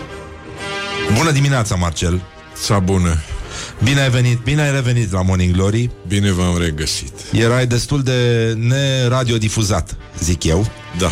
A fost o perioadă grea Acum nu mai sunt. A fost o perioadă A grea. fost o perioadă grea, dar care astăzi... anonimatul și-a făcut treabă și uite, suntem plini de sevă și de de mirce. Da, de orice, practic. De orice. Uh, ai văzut, în Asia a izbucnit, uh, datorită măsurilor de izolare, uh, o epidemie mică. Mă rog, cum au ei epidemie acolo. Da. Dar e altceva, e altceva, e mult mai mortală decât COVID-ul. Deci deja vorbim despre alte senzații tari, pentru că oamenii se și zvârcolesc. Se zvârcolesc? Efectiv, efectiv. Se zvârcolesc și uh, agențiile de presă sunt uh, exultă, practic, în acest Exultă. moment. Avem un alt subiect în afară de Exultă COVID. sau exală? Da, da, da. Doar că asta e o boală, mă rog, ciclică Sigur. acolo, undeva între iunie și octombrie. Zvârcolire, Febra am înțeles. dengue, da, da, da. E, uh, deci nu, nu e o nouă pandemie, nu este un nou virus, da, ca E să o fie mai clar. prelungire, da, Da, sau o dar am variație. vorbit despre asta. Uh, totuși, viața sănătoasă rămâne viață sănătoasă. Așa e.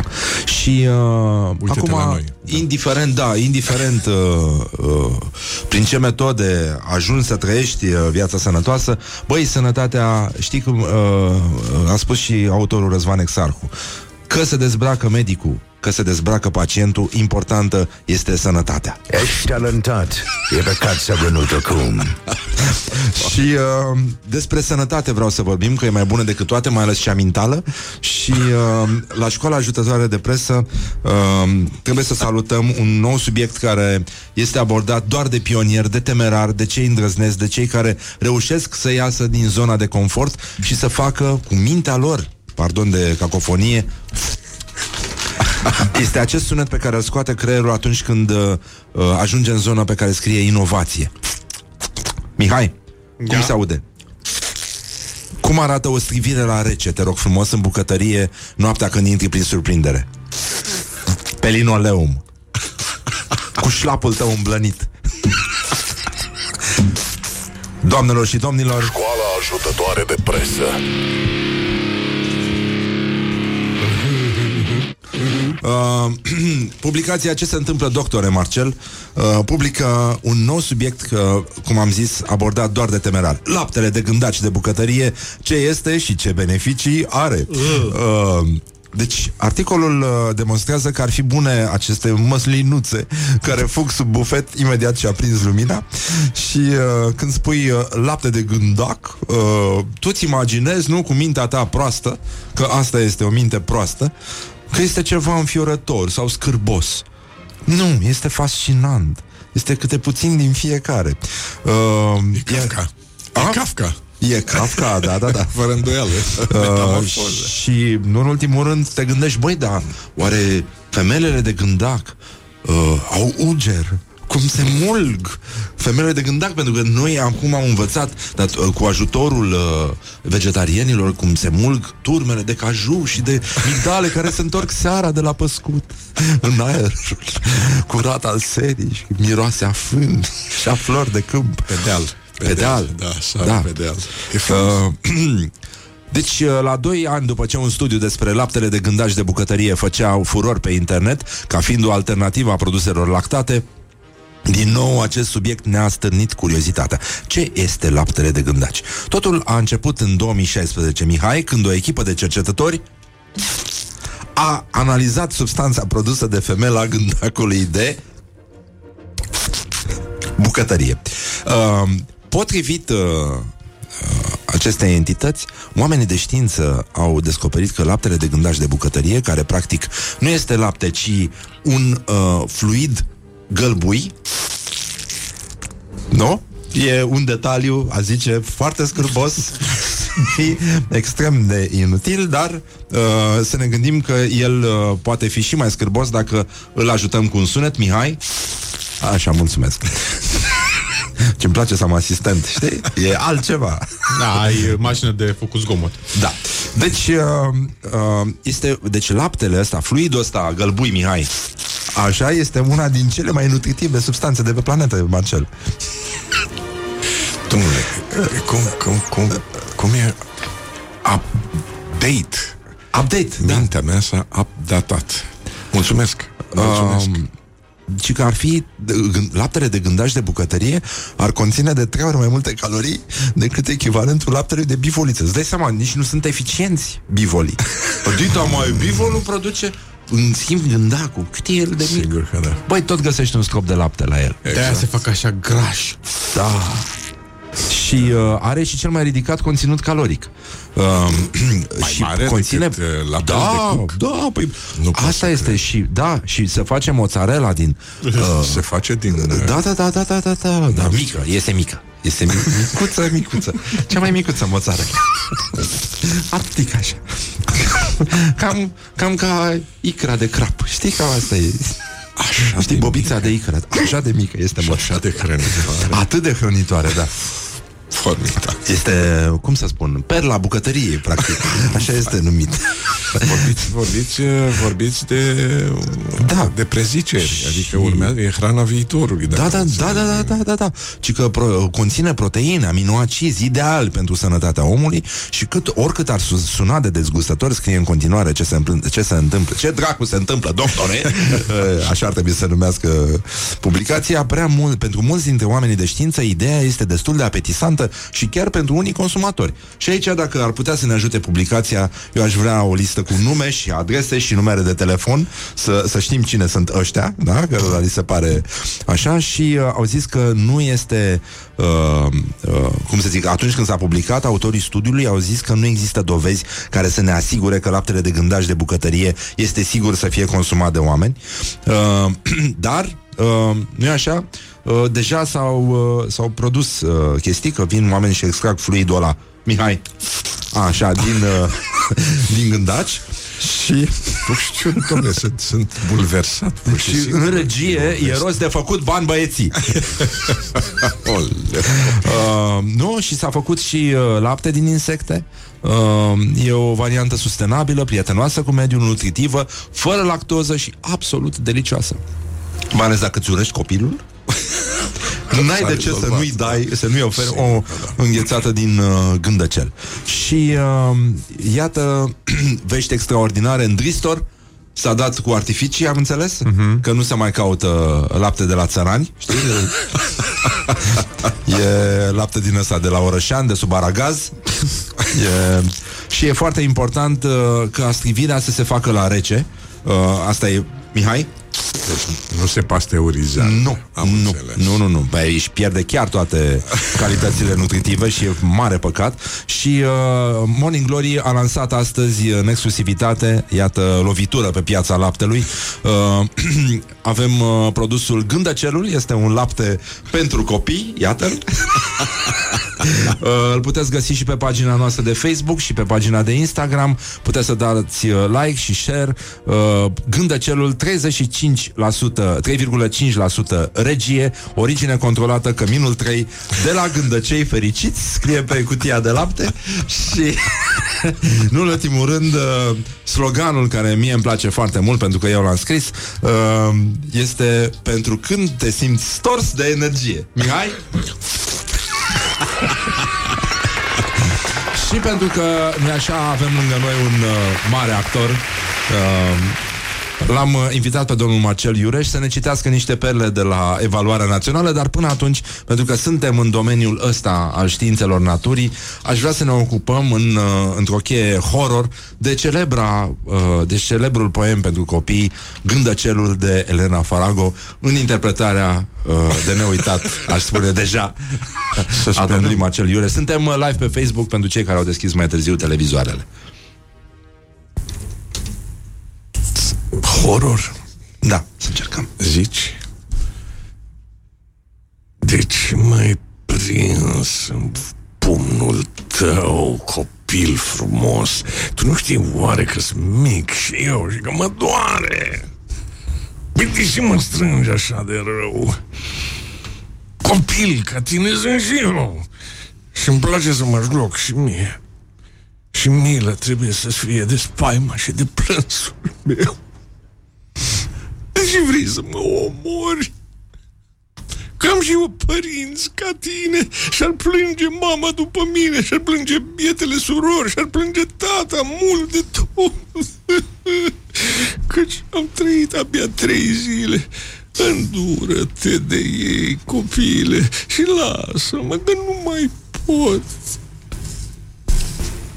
Așa plângea un gândăcel. în pumnul ce-l strângea să-l rupă și l-a deschis copilul după ce n-a mai fost nimic din el. A încercat să-l mai învie, suflându-i aripile în vânt, dar a căzut în țărnă frânt și înțepenit pentru vecie. Scârbit de fapta ta ce rea, degeaba plânge acum copile. Și du-te în casă acum și zile părinților isprava ta. Și zile că de acum mai vrea să o crotești cu bunătate, încaleți orice vietate, oricât de fără de însemnătate și oricât de mică ar fi ea. This is a nightmare. this is a nightmare and I can't wake up!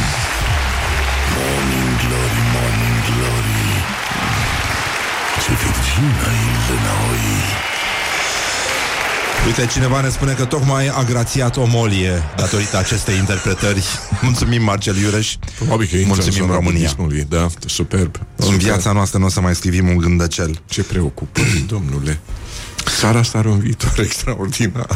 Uh, și mie mi se pare că are un, uh, uh, un viitor extraordinar, mai ales că astăzi începe bacul, se redeschid și creșele, coincidență nu cred, cei care sunt respinși pot să meargă în alte instituții de învățământ, să continue studiul și uh, Marcel Iureș uh, l-am, uh, l-am rugat uh, să ne ajute să înțelegem mai bine ce au vrut să spună poeții de la evaluarea națională. E vorba despre niște perle uh, de la evaluări unele dintre ele culese de doamna Antoaneta Olteanu, uh, profesor doctor la Facultatea de Limbi și Literaturi Străine a Universității București.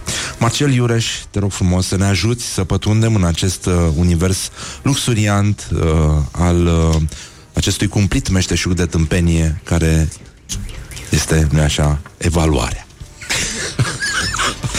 Nu știu dacă, dacă o să fac față.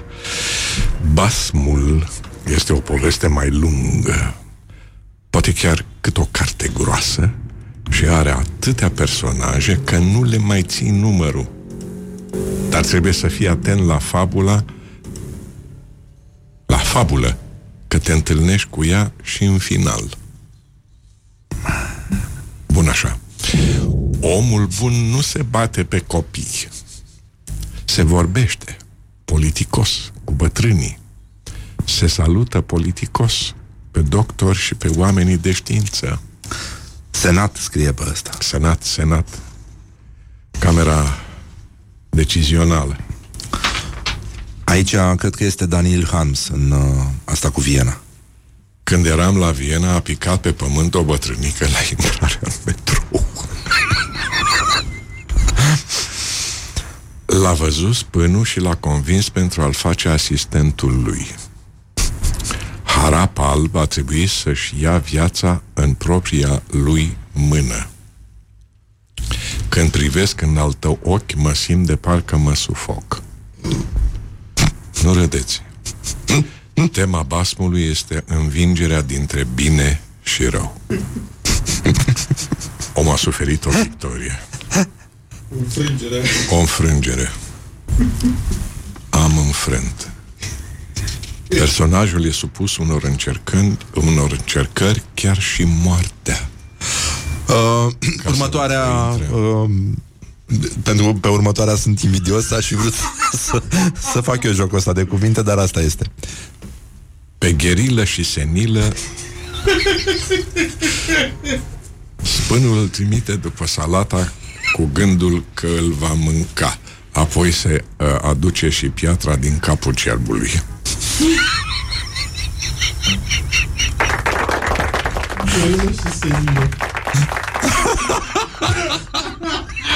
Cum mă, gherilă și senilă?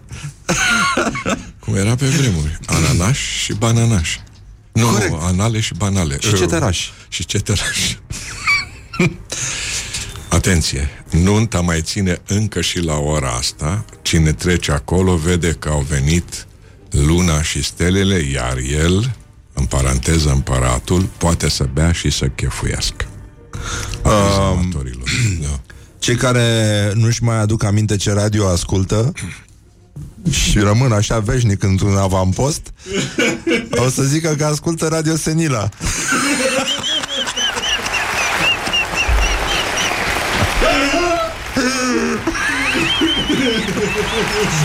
Așa, hai. Asta pentru că, pentru că personajele vorbește în modul dialog. Ah, Să ne înțelegem. Deja e limpede.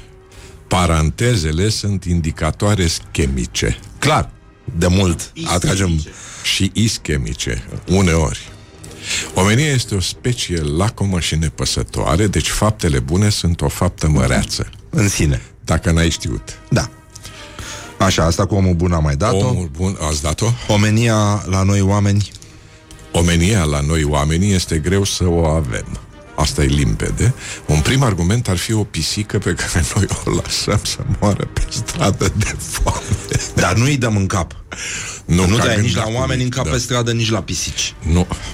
Pentru că există omenia.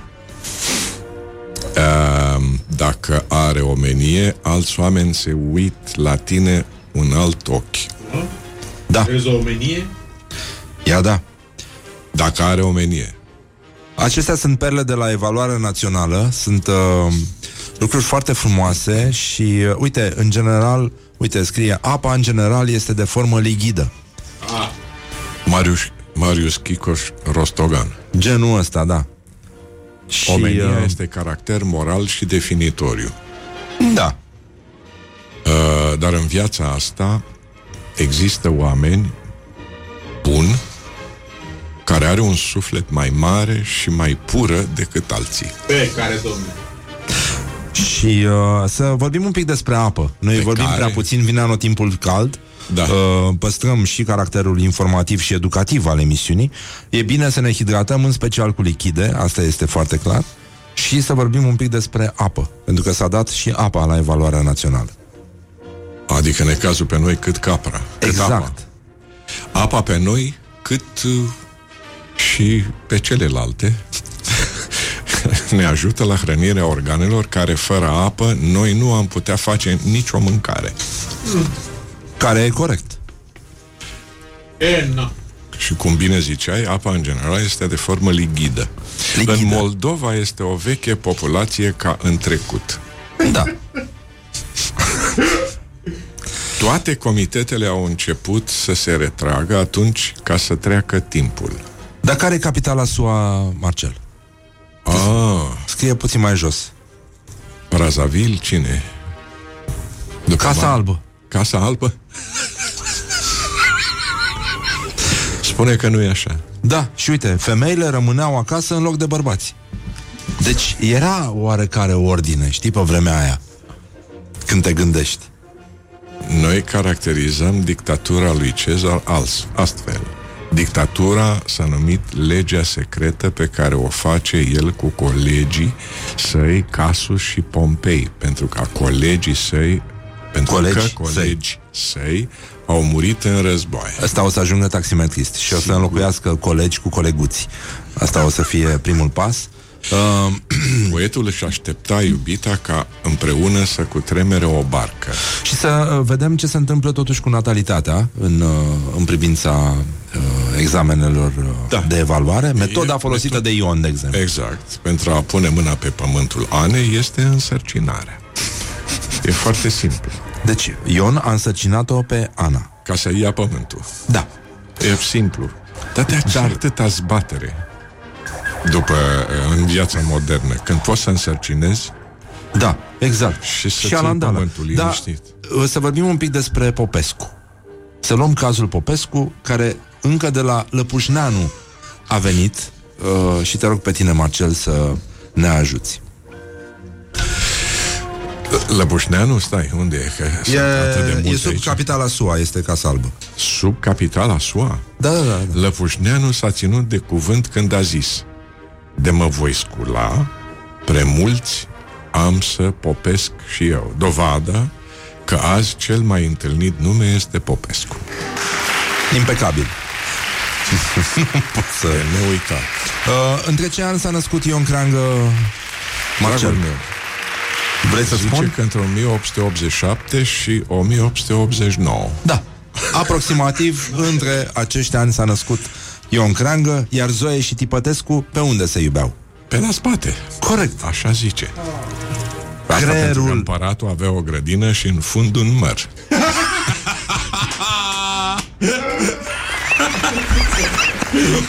Superb. Iar creierul este un organ oarecum indispensabil capului. Nu neapărat, dar cât de cât indispensabil capului. Uh, da, e bine să mai și citești? E foarte bine, pentru că E, e mai... mai... mai bine să citești decât să tai frunză la câini degeaba. Dar Cristofel Columb, spunem te rog frumos, ce știi să ne spui despre el? Ziceam Păi, că tu afle- erai elevul Marcel acum, Da? da? A plecat în America, unde s-a însurat cu o băștin, băstinoasă. Așa, uh, în cunoscuta baladă Miorița, dragă Marcel, sunt descrise câteva întâmplări în care Im, uh, sunt implicate doi criminali. o oaie turnătoare, de asta am rămas noi fără ele, le-am eradicat, și un cioban ce sochează prin prostia lui. Da. Dar uh, Toma Alimoș era viteaz pentru că Păi, pentru că cu o mână conducea calul, cu Cu o mână își ținea mațele și cu o mână se bătea cu manea. Oh, Ia. Inima, Ia. inima, în ce este împărțită inima și aici, uh, aici tragem o linie uh, să se vadă. Este această linie de demarcație. Lumea s-a împărțit între cei care În două. au, au fost, au trăit înainte de această declarație și cei Și care au după. apucat-o. Deci Noi am inima, apucat-o, deci avem de treabă. inima, Inima este împărțită în două. Adică două atricule și două testicule.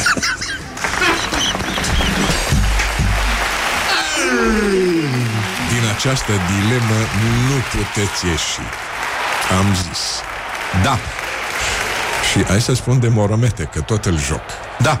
Moromete plecase în excursie să vândă cerealele pe care le-a importat ca să încaseze TVA-ul. De ce este trist Eminescu? Marcel. Păi n-a reușit să facă nimic în viața lui.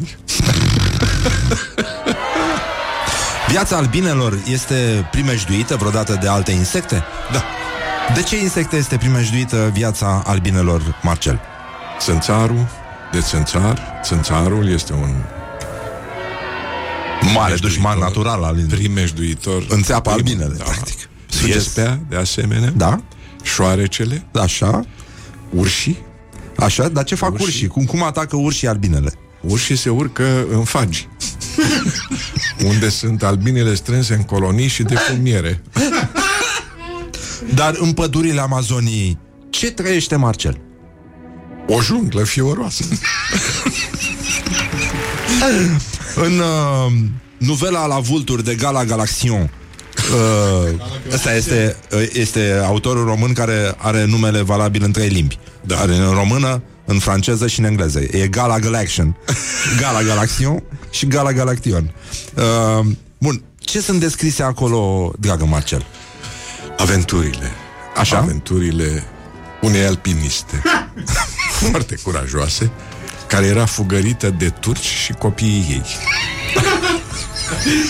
Uh, dintre cele cinci scrisori trimise de Eminescu, care este prima considerată? A treia. A treia este considerată prima, în scrisoarea a treia, pentru că se desfășoară bătălia de la Rovinari. N-avea cum să nu fie prima. Uh, pe ce bază circulă poemul Miorița, Marcel? Bază orală. Adică, Adică? adică n-a fost scrisă, din motive tehnice. Uh, animalele sălbatice unde trăiesc? Păi în pădure, în pădurea zoologică. Bravo, Marcel! Uh, datorită faptului că Lăpușneanu îi chinuia pe boieri tăindu-le uh, nasul. Nasul. nasul, urechile, mâinile, ce s-a întâmplat? A devenit antipatic. Acestora. Harap alb era femeie? Da. Și cum, cum, se, cum se manifesta harap alb? Păi e- se manifesta ca Mihaela Rădulescu îmbrăcată în alb. Harap alb. Da. Păi ea, ea semăna. Da, ea, e, păi, dar cum? femeia. Semăna cu Mihaela Rădulescu. Ce face la bătrânețe împăratul, Marcel? Nu mă întreba. Naște un fecior, domnule, ce e așa greu? Latina clasică Latina clasică De ce este ea o limbă moartă și prin ce se caracterizează? Ea este o limbă moartă care nu se poate vorbi decât în scris. De aia. Corect. Până aici e foarte bine. Uh, Vitoria, pe lângă calitatea de mamă, avea și altă calitate? Sigur. De tată. Avea calitatea de tată. Calitate care este mult mai dificil de îndeplinit. Podul de la Drobeta Tunu Severin, Marcel, Da. a fost construit de cine și ce observăm în imaginea alăturată? Păi a fost construit de Apala, Apalo, Apolodor din uh, Damasc, Așa? al cărui picior se mai vede și astăzi. Dacă sunteți atenți. Unde a început răscoala de la Bobâlna și unde Deal. s-a terminat? Pe un deal. Așa, a început Știe pe un toată deal. lumea. S-a terminat în 1498.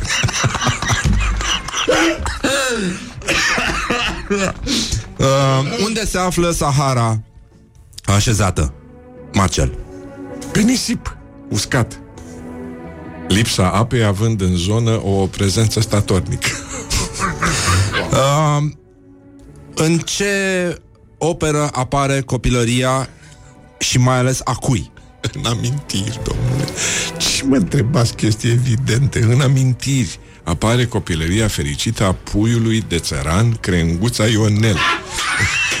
și e așa de... Uh, Tudor Șoimaru și Magda. Da. Magda îl iubea. Da. Dar ceva ea nu știa. Ce nu știa Magda Marcel? Nu știa limbi străine. Clar? Nu știa pur și simplu. Nu știa că el nu știe. Mi-e teamă. Niciunul. Adică amândoi.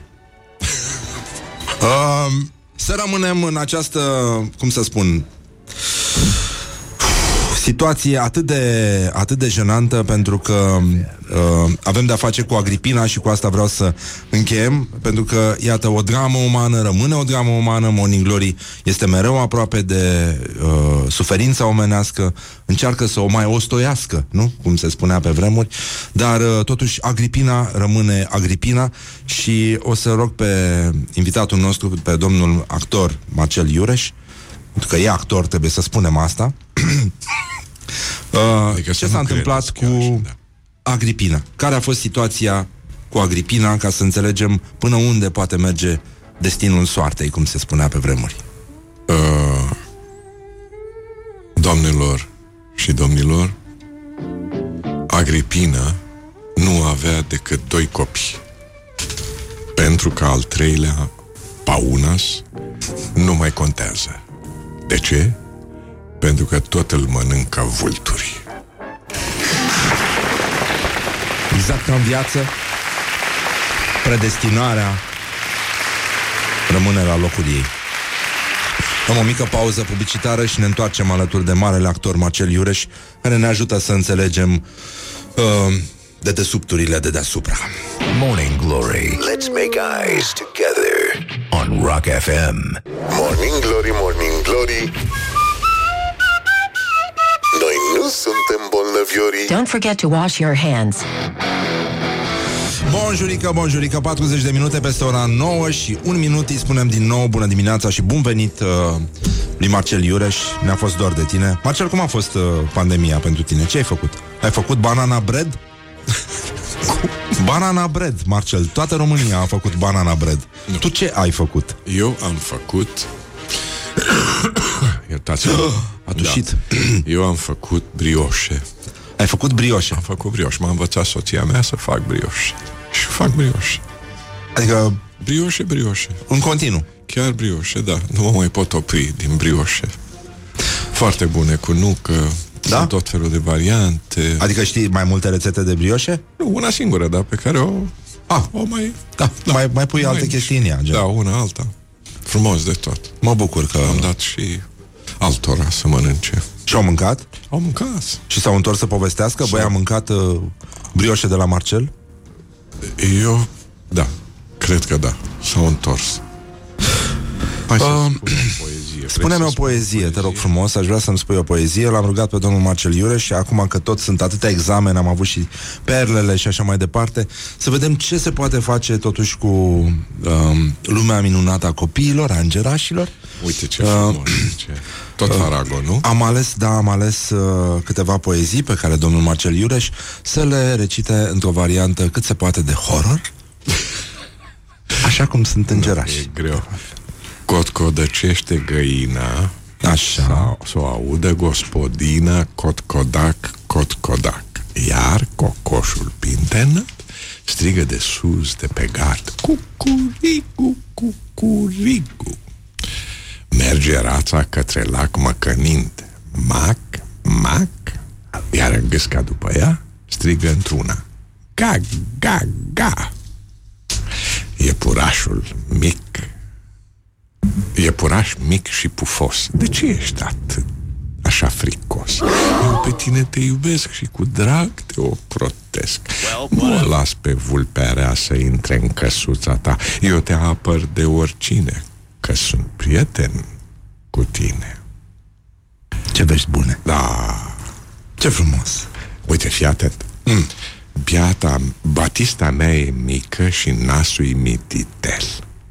Voi fi copil cu minte, să am grijă de el. Nu vreau să zic că lumea uite-l pe murdărel.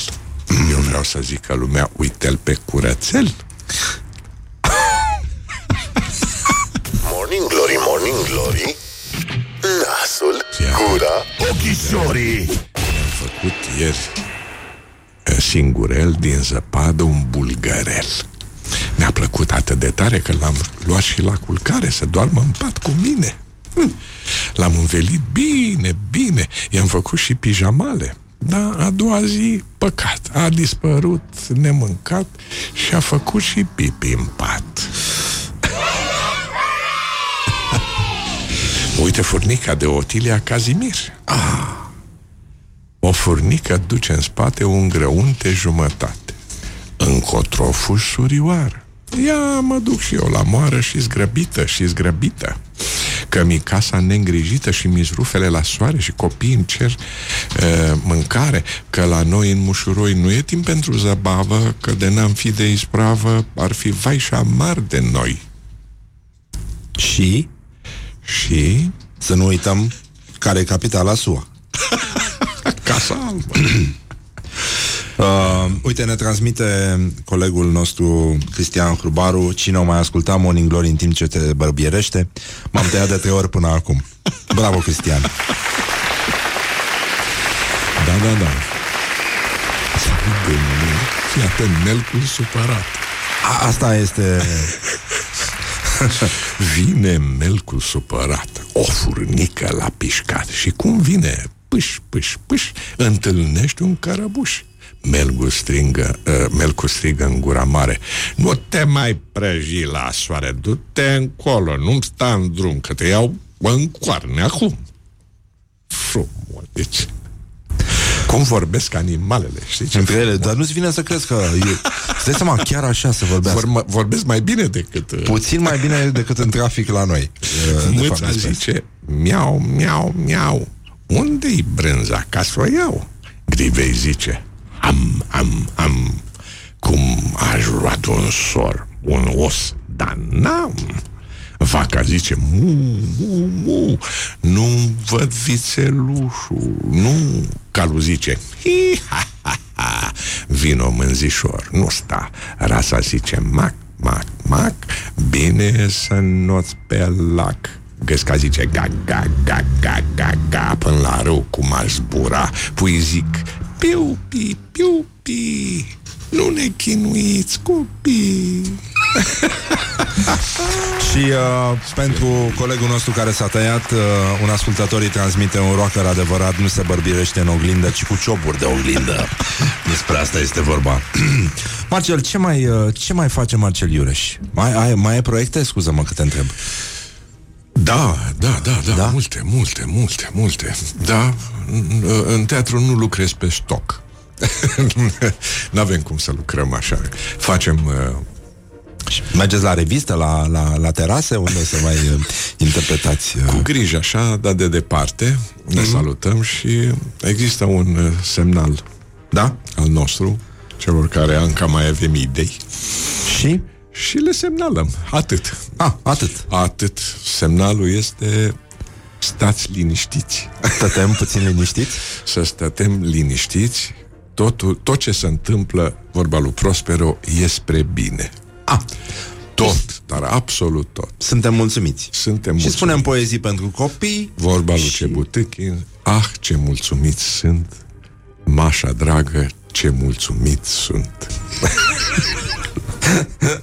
Da, cam așa ceva Foarte E- mulțumit pari Da, da, totul e ok, totul e în regulă. Și mie mi se pare Va fi, va fi vom izbândi, cu toate că nu se știe mare lucru Despre asta despre asta. Dar dacă am ști totul dinainte, ce simplu ar fi Da. Chiar Deci dacă... uh, o, să jo- o să mai joci teatru Dar chiar și așa. Da, Da, da. Chiar și în situația asta voi juca teatru. Nu, nu, stai că repet. Ah. Repet singur. Repet cu parteneri. Da? Fie la telefon, fie ne mai întâlnim uh, la distanță, chiar în același spațiu. Cu Skype nu... Nu, Nu nu, nu, nu. Nu, nu se zbârlește părul pe Skype. Nu, nu, nu. Pe Skype n-ai Nu, cum. nu, nu, Sunt fără poze păr. animate. Da, e... Doar poze animate și oameni care își dau importanță și pretind că e ca și cum. Da, să fie epilat. Să fie epi. Căci părul s-a sculat, da. uh, sunt uh, momente de fior și râs pentru lumea teatrului, dar uh, uh, nu așa, totul va fi bine, cum, Nu, a cum fost, scrie pe toate zidurile. a fost și mai rău. Vorba lui Caragian. Important este să nu fie mai rău. Exact. Dar să rămânem la modul trecut și... Să, rămân, um, să rămânem în gloria asta, chiar dacă e anonimă. Eu cred în anonimat. Păi Problema e că se atinge greu. Numai în perioade din astea de restriște. Um, Hai să fim serioși. Mai, uh, Marcel, eu zic că totuși uh, știi cum e, este exact ca la uh, ca în basme. Mama inconștientă își lasă copilul să se suie în pot chiar dacă poate să cadă în cap. Înțelegi? Da. Cam Asta aici și suntem. Crenguța Ionel Crenguță. a scris. Da, Ionel Crânguță. și uh, în cuvintele date sunt diftongi, adică mai mulți ftongi adunați. La un loc. Adică e bine să rămânem totuși cu niște concluzii și uh, uh, cum să zic, soarta tuturor geniilor uh, seamănă cu uh, ce este descris în această lucrare. Traian era lipit-lipit, un an a stat la facultate, dar a strălucit mai departe și a plecat la Paris să cerșească. Este exact ca în viață. Toți mari oameni au trăit exact ca în viață. Știi aia lui Shakespeare? Mm. Tu, muzică, din muzici, ce te doare? Da, am Este. înțeles. E- E, e, e e că și avem asta. dreptate. Dar uh, aș vrea să medităm asupra acestui miracol. Și anume, știi cum e transformarea uh, nu, unei vorbe pe care o vedem pe hârtie în vers. Transformarea unui balcon, similară, zic eu, în balconaș. și asta, de fapt, s-a petrecut aici. Acest miracol se repetă zilnic la Morning Glory, pentru că, nu e așa, cuvântul balconaș, a scris un copil, s-a format dintr-un balcon prin metoda constrângerii. Și, oh. da. Și cred că mai este un miracol asupra căruia am putea să medităm, anume apariția cuvântului oprită, care, nu știu dacă știi, Marcel, s-a format după ce cineva a închis geamul, iar lumina fierbinte a soarelui s-a oprit lovit, s-a lovit în de el. geam. Da, s-a lovit de geam. Este un miracol, aș zice eu. Da. Bun. Uh, Marcel, cred da, că încep, încerc să supraviețuiesc. e, eu zic că supraviețuiești destul de bine. Da. Ai supraviețuit cu bine, zic eu. Cât Și mai e făină, asta- pentru brioșe e ok. Uh, da, Marcel nu mai poate fi oprit acum. E, Doamne, doamne, doamne. e ca un uh, fake news pe care l-am dat eu de mult, de 1 aprilie, anume că centrala de la Cernavodă a fost pornită, dar nu mai poate fi oprită. Oprită. Și e foarte important așa. Marcel, îți mulțumim încă o dată Eu și te aplaudăm și mă bucur că ne-am uh, revăzut, mai ales că noi mai avem puțin și intrăm în vacanță și Da, da. sunt mai probleme, să știi. Știi, și până și vacanța au venit. Da, este îngrozitor. Dar voi, actorii, știți mai bine ce înseamnă vacanța de două luni. Scuză-mă, poate n-am vrut să, da. să fac rău cu vorba asta proastă. Hai să, hai să aprindem luminile, vă rog. Să aprindem Hai să le aprindem. și să se audă aplauzele și uh, lemnul scenei scârțind. Mă rog, lucruri din astea Nu simple. pentru mine, pentru personaje. Da, exact. Da. Dacă n-ar fi ele, ce am Că și Macamete făcea fântâni, Poftim. ca și Buduroi. Da. Da. E un Sunt moment nume frumos. ancestrale. E, e un moment foarte frumos și Vă îți mulțumesc, mulțumesc. că sunteți așa de, așa de prezenți și sunteți o minune. Doamne ajută. Da, îți mulțumim foarte mult, Marcel. Să fiți sănătoși. Doamne ajută să fim Să ne vedem dincolo. Da, Dincolo de, de vacanță. de vacanță. Despre asta e vorba. Încă o dată aplauze tuturor celor implicați în acest proiect. Uh, mulțumim Marcel Iureș, aplauze și ne bucurăm că ai venit aici ca să discutăm despre adevăratele probleme ale țării și uh, să ne vedem cu bine și să ne vedem cu bine în sălile de spectacol. Mulțumim, Marcel Iureș, uh, v-am pupat dulce pe ceacră și noi. Ne auzim mâine la o nouă întâlnire cu muzica voastră preferată, dragi prieteni ai rocului. Până una alta, vă lăsăm uh, cu reclame și cu o melodie muzicală ca să petreceți, nu așa, acest sfârșit de emisiune în cele mai bune condiții. V-am pupat dulce pe ceacre, bye-bye, pe mâine, pa, pa, tutu! Morning Glory. Wake up and rock.